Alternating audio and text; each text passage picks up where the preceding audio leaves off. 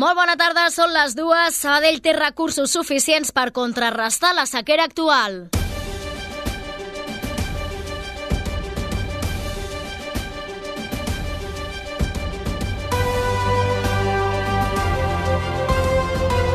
Notícies migdia. Núria Garcia.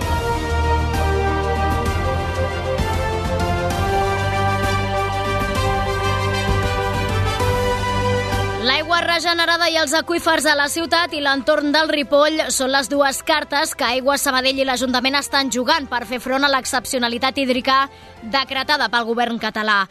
El director general d'Aigua Sabadell, Xavier Cabanilles, ha afirmat que el municipi està preparat de sobres perquè els sabadellencs no notin de moment els efectes de les noves restriccions. Ho ha dit en una entrevista aquest matí al Cafè de la Ràdio. No hem d'estar mirant al cel, hem d'estar mirant, mirant el nostre entorn, mirant a la terra i treballant com estem treballant perquè no, no, no, podem, no podem fer que plogui, però sí que podem fer moltes coses i a la ciutat de Sabadell s'estan fent de cara a afrontar aquesta situació, repeteixo, d'escassetat hídrica. Eh? No, estem, ara estem en un període de sequera, però això forma part d'un context que està per sobre, que és una escassetat a nivell de, de tota Catalunya. La fase d'excepcionalitat implica limitar l'ús domèstic a 230 litres per habitant i dia i restringir encara més l'aigua per a usos industrials, agrícoles i també recreatius. De seguida us ampliem aquesta informació, però durant el Notícies migdia us parlarem d'altres temes. En política, Esquerra Republicana incorpora ara Sabadell a la seva candidatura per al 28M, tal com ja va fer amb Esquerra Unida i Alternativa. I en mobilitat, la C58 continua tallada en els dos sentits a l'altura de Vacarisses per un despreniment de pedres a la calçada. Us ho expliquem tot plegat, aquests i altres temes, amb el Toni González a les vies de so. Notícies migdia. La informació en 15 minuts. Els serveis. I a banda d'aquesta incidència a la C58, ara mateix eh, estan tancats els túnels del Garraf a la C32 en sentit sud per un camió avariat. També continuen els problemes a aquesta hora a l'autovia A2 per un accident a Cornellà de Llobregat que obliga un tallal a tallar un carril en sentit Barcelona i provoca aturades de fins a dos quilòmetres. I un altre vehicle variat, en aquest cas a la Ronda Litoral a la Barceloneta, talla un carril en sentit Llobregat i provoca, atenció, aturades de 7 quilòmetres. I també s'està procedint a la retirada d'un dels vehicles accidentats a la 2 a Sant Feliu de Llobregat en direcció Lleida, on hi ha també dos carrils tallats i dos quilòmetres de retencions. Per tant, atenció al volant perquè hi ha a aquesta hora molts problemes a la xarxa viària catalana. Completem aquesta informació amb el Transmet, Albert Garran, molt bona tarda. Què tal? Bona tarda. Doncs seguim a la setmana del mobile i per aquest motiu recordem que TMB ha reforçat el dispositiu de mobilitat on, a banda de poder arribar amb les línies L9 Sud i L10 Sud de metro dels ferrocarrils de la Generalitat a Plaça Europa i busos com l'H12, TMB ha organitzat un servei de busos llançadora directes entre Plaça Espanya i Gran Via de l'Hospitalet. Per aquest motiu, l'ocupació de passatgers en aquestes línies pot ser superior a l'habitual durant tota la jornada. A la resta de la xarxa no hi destaca cap afectació, Rodalies, ferrocarrils, tram i la resta de la xarxa de bus funcionen amb normalitat. De moment això és tot des del Transmet. Bona tarda. La notícia del dia. Sabadell s'avança les restriccions que puguin arribar per la sequera i ja busca formes alternatives d'aprofitar l'aigua de la ciutat. Per una banda, compta amb una àmplia xarxa de distribució d'aigua regenerada que s'utilitza en la seva majoria en lavabos, indústries o el rec de zones verdes. A hores d'ara, l'Ajuntament i Aigües de Sabadell estan esperant finançament per poder incrementar fins als 50 quilòmetres aquesta xarxa i proveir d'aigua regenerada ciutats com Cerdanyola i Sant Cugat. I a banda d'aquest front, en tenen un altre d'obert, Helena Molist, molt bona tarda. Bona tarda. Es tracta de les aigües naturals subterrànies, és a dir, aquelles que s'amaguen sota el sol sabadellenc. En una entrevista al Cafè, Antonio Serra, coordinador de l'àrea de cohesió territorial del consistori, explica que des de l'Ajuntament i Aigües de Sabadell s'està fent un inventari d'aquest recurs natural. Podem reaprofitar al màxim aquesta aigua subterrània, aquesta aigua de l'aqüífer, aquesta aigua que ara no s'aprofita per res, és una aigua que eh, discorre no, a través dels aqüífers cap al, principalment cap a la conca del Besòs i per tant cap al mar. No? Doncs eh, aquí tenim un potencial de reutilització d'aquesta aigua que ara actualment fem servir poc eh, encara, eh, doncs precisament per poder-la reutilitzar per totes aquestes eh, aplicacions i usos que no són de consum, diguéssim, de boca. Aquesta acció va en la línia d'estalvi que la ciutat va iniciar fa anys amb l'objectiu de buscar l'autosuficiència sobre un recurs que cada any es preveu que es vagi extingint. Xavier Cabanilles, director general d'Aigües Sabadell, explica quin és el pla a seguir. Ara ja fa un any que es va activar, per exemple, el pla d'emergència de la ciutat de Sabadell, fruit d'aquest pas a prealerta de sequera, és una comissió conjunta entre l'Ajuntament i la companyia de l'aigua, on tenim previstos i planificats eh, i mesurats cadascuna de les passes que hem de donar a tot nivell, com el Toni explicava molt bé, a nivell de recs, a nivell de fons, a nivell de, de neteja viària. Sobre les noves restriccions que la Generalitat ha implementat per intentar frenar aquesta sequera, des del consistori afirmen que l'únic que ho notaran els sabadellencs és a les zones de verd de la ciutat, on s'haurà de restringir el rec. Ràdio Sabadell. L'actualitat en 15 minuts. Els impulsors d'Ara Sabadell s'incorporen a la candidatura d'Esquerra amb un lloc prominent per l'exregidor de Salut a l'Ajuntament Ramon Vidal, portaveu i secretari general d'aquesta formació. Julià Ramon, bona tarda. Bona tarda. La formació resultant de les desavinences en el si de Podem Sabadell arran de l'elecció de Marta Morell com a secretària general no farà efectiu el pacte amb el PDeCAT que ara Catalunya està promovent. Vidal aclareix que es presenten com a títol individual. Nosaltres hem obert moltes portes en el sentit de que és bo el diàleg. Això ens ha portat tindre aquests diàlegs, arribar on estem avui, i la nostra aposta està molt clara, aquí donem suport i, i amb quin pes.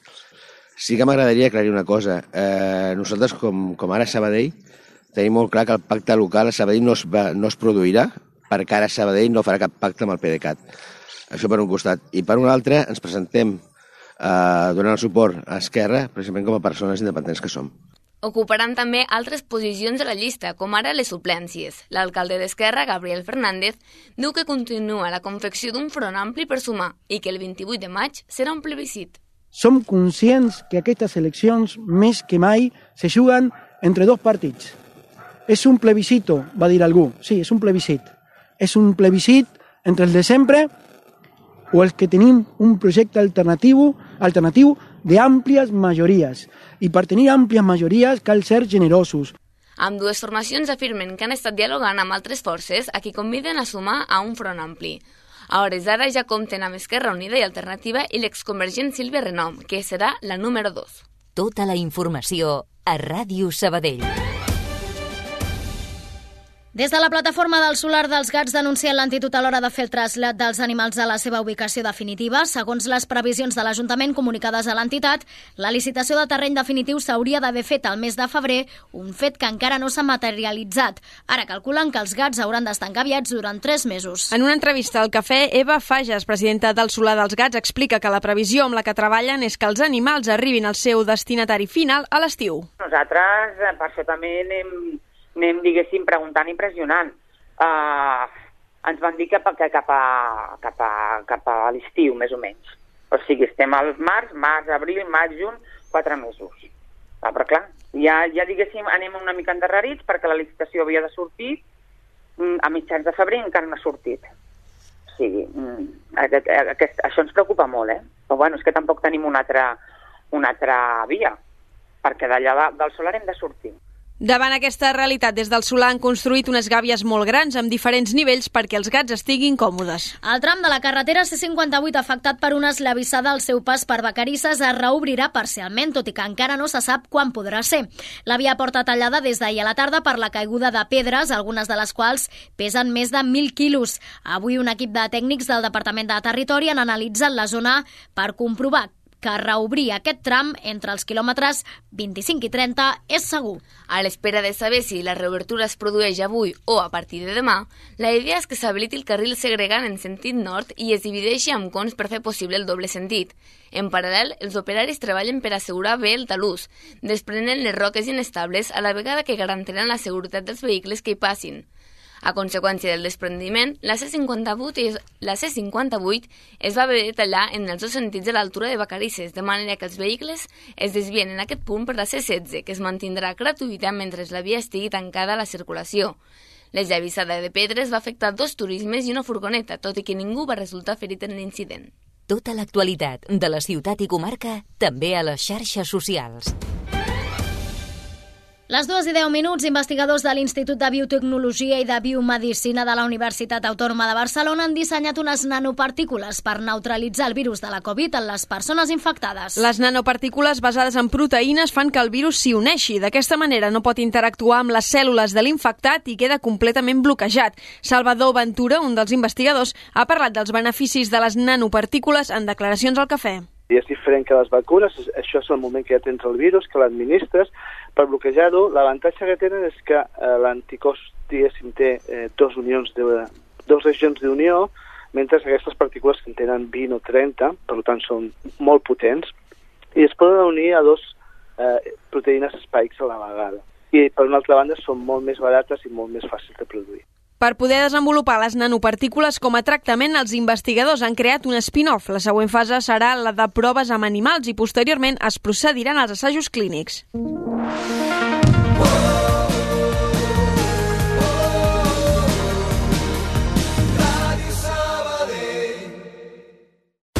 Busquem el sabadellenc de l'any. Ens ajudes a trobar-lo? Laura Andrés, Maria Antònia Cavistany, Caral Castellet, Antonio Martos o Tomàs Pladevall. Entra a la pàgina web de Ràdio Sabadell i vota la persona més destacada de la ciutat d'aquest últim any, fins al 14 de març a les 12 de la nit. Segona edició del Premi Sabadellenc de l'any. Organitza i Sabadell amb la col·laboració de Ràdio Sabadell. Ens ajudes a trobar-lo? Coneixes l'app de Taximés? Descarrega-te-la i reserva un taxi còmodament des de la nostra app. Més informació a taximesapp.com. Taxi! Ràdio Taxi Sabadell. El teu taxi de referència a Sabadell. Ràdio Sabadell. Notícies.